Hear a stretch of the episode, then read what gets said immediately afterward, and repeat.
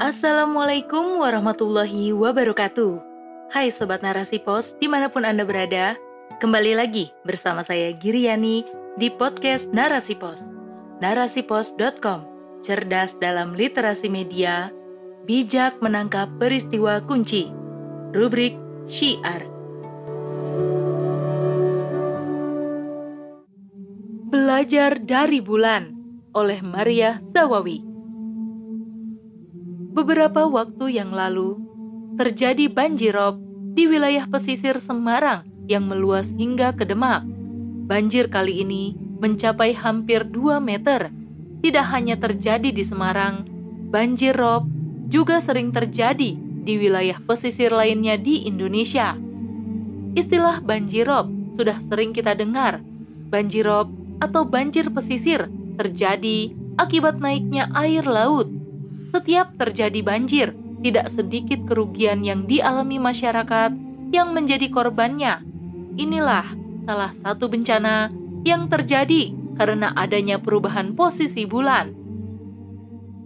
Alam dan segala isinya adalah ciptaan Allah Subhanahu wa Ta'ala. Allah Subhanahu wa Ta'ala pula yang mengaturnya. Dialah yang mengatur bagaimana pergerakan semua makhluknya. Dia pula yang mengatur siklusnya. Turunnya air hujan, gugurnya dedaunan, tak terjadi begitu saja. Semua atas kehendak Allah Subhanahu wa taala. Demikian pula dengan berputarnya benda-benda langit seperti matahari dan bulan. Semua telah diatur oleh Sang Pencipta. Allah Subhanahu wa taala telah berfirman dalam surah Al-Anbiya ayat 33. Dialah yang menciptakan malam dan siang, matahari dan bulan, masing-masing beredar di dalam garis edarnya. Ibnu Abbas mengatakan bahwa beredarnya matahari dan bulan seperti beredarnya alat tenun pada bandulnya. Bulan akan beredar dari satu fase ke fase lainnya, mulai dari bulan baru, bulan purnama, hingga kembali ke bulan baru. Hal ini dijelaskan oleh Allah Subhanahu wa taala dalam surah Yasin ayat 39. Dan kami telah menetapkan bagi bulan manzilah-manzilah hingga dia kembali sebagai bentuk tandan yang tua. Berubahnya fase bulan ini akan menyebabkan pergeseran posisi bulan terhadap bumi, yakni posisi konjungsi atau posisi terjauh dan oposisi atau posisi terdekat. Konjungsi terjadi saat matahari, bumi, dan bulan berada pada satu garis membentuk sudut 0 derajat. Ini terjadi saat bulan baru atau bulan sabit. Saat itu, gravitasi matahari dan bulan akan bersama-sama menarik bumi. Sedangkan oposisi terjadi ketika posisi bulan berlawanan arah dengan bumi, sehingga matahari, bumi, dan bulan membentuk sudut 180 derajat. Inilah saat terjadinya bulan purnama. Karena itu, gravitasi bulan akan menarik bumi. Posisi konjungsi dan oposisi ini menyebabkan terjadinya air pasang di lautan.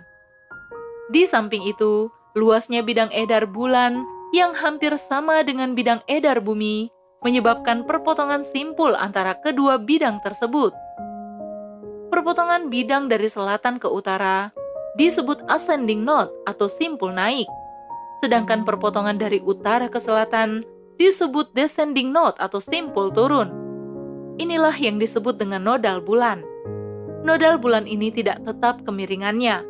Hal itu karena orbit bulan akan bergeser setiap 18,6 tahun sekali sejauh 5 derajat, menjauh atau mendekat ke ekuator bumi. Jika menjauh, maka akan mengurangi ketinggian air pasang. Sebaliknya, jika mendekati ekuator, maka akan menaikkan air pasang. Dari berbagai fenomena alam itu, kita dapat mengambil pelajaran, mulai dari manfaat yang dapat kita peroleh, beserta bahaya yang mungkin menimpa. Jika itu bermanfaat, maka kita dapat menggunakannya untuk meningkatkan taraf hidup dan memajukan peradaban. Sebaliknya, jika itu berbahaya, maka kita harus mencari solusi agar terhindar darinya. Dengan kata lain, kita dapat mempersiapkan diri untuk menghindari bahaya tersebut.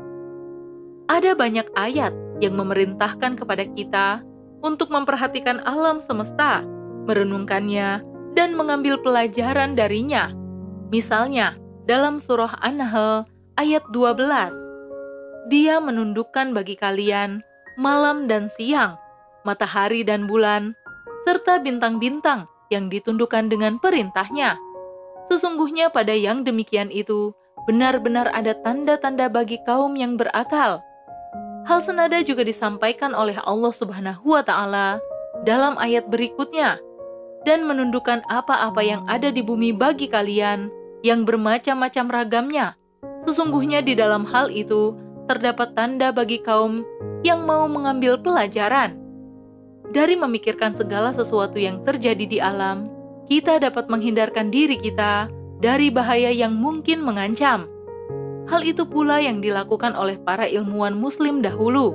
Salah satunya adalah Al-Farghoni, seorang astronom sekaligus insinyur Muslim yang hidup pada masa Khalifah Al-Ma'mun yang menemukan nilometer. Alat ini berfungsi untuk mencatat ketinggian air Sungai Nil secara otomatis. Melalui alat ini, Al-Farghoni berhasil memberikan prediksi banjir Sungai Nil, baik jangka pendek maupun jangka panjang. Maka, Hal ini pun dapat dilakukan untuk mencegah terjadinya banjirop akibat air pasang yang disebabkan oleh gaya tarik bulan. Misalnya dengan mengukur ketinggian air saat pasang, menghitung kenaikan air laut akibat pemanasan global, serta menghitung penurunan permukaan tanah. Di samping itu, juga memperhatikan pergerakan awan yang mungkin mendatangkan hujan atau badai. Dari situ, dapat diprediksi tingginya air yang akan mengancam wilayah pesisir.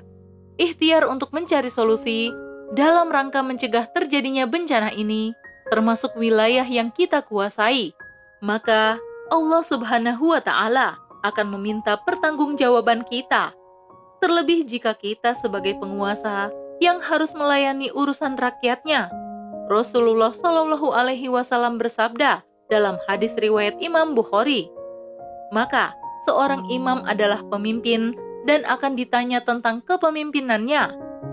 Jika bencana itu terjadi akibat kelalaian kita sebagai penguasa, maka rakyat yang menjadi korban akan menuntut pertanggungjawaban di akhirat kelak. Sebab kita tidak menjalankan kewajiban dalam melayani rakyat. Padahal kita diangkat oleh rakyat untuk melakukan hal itu.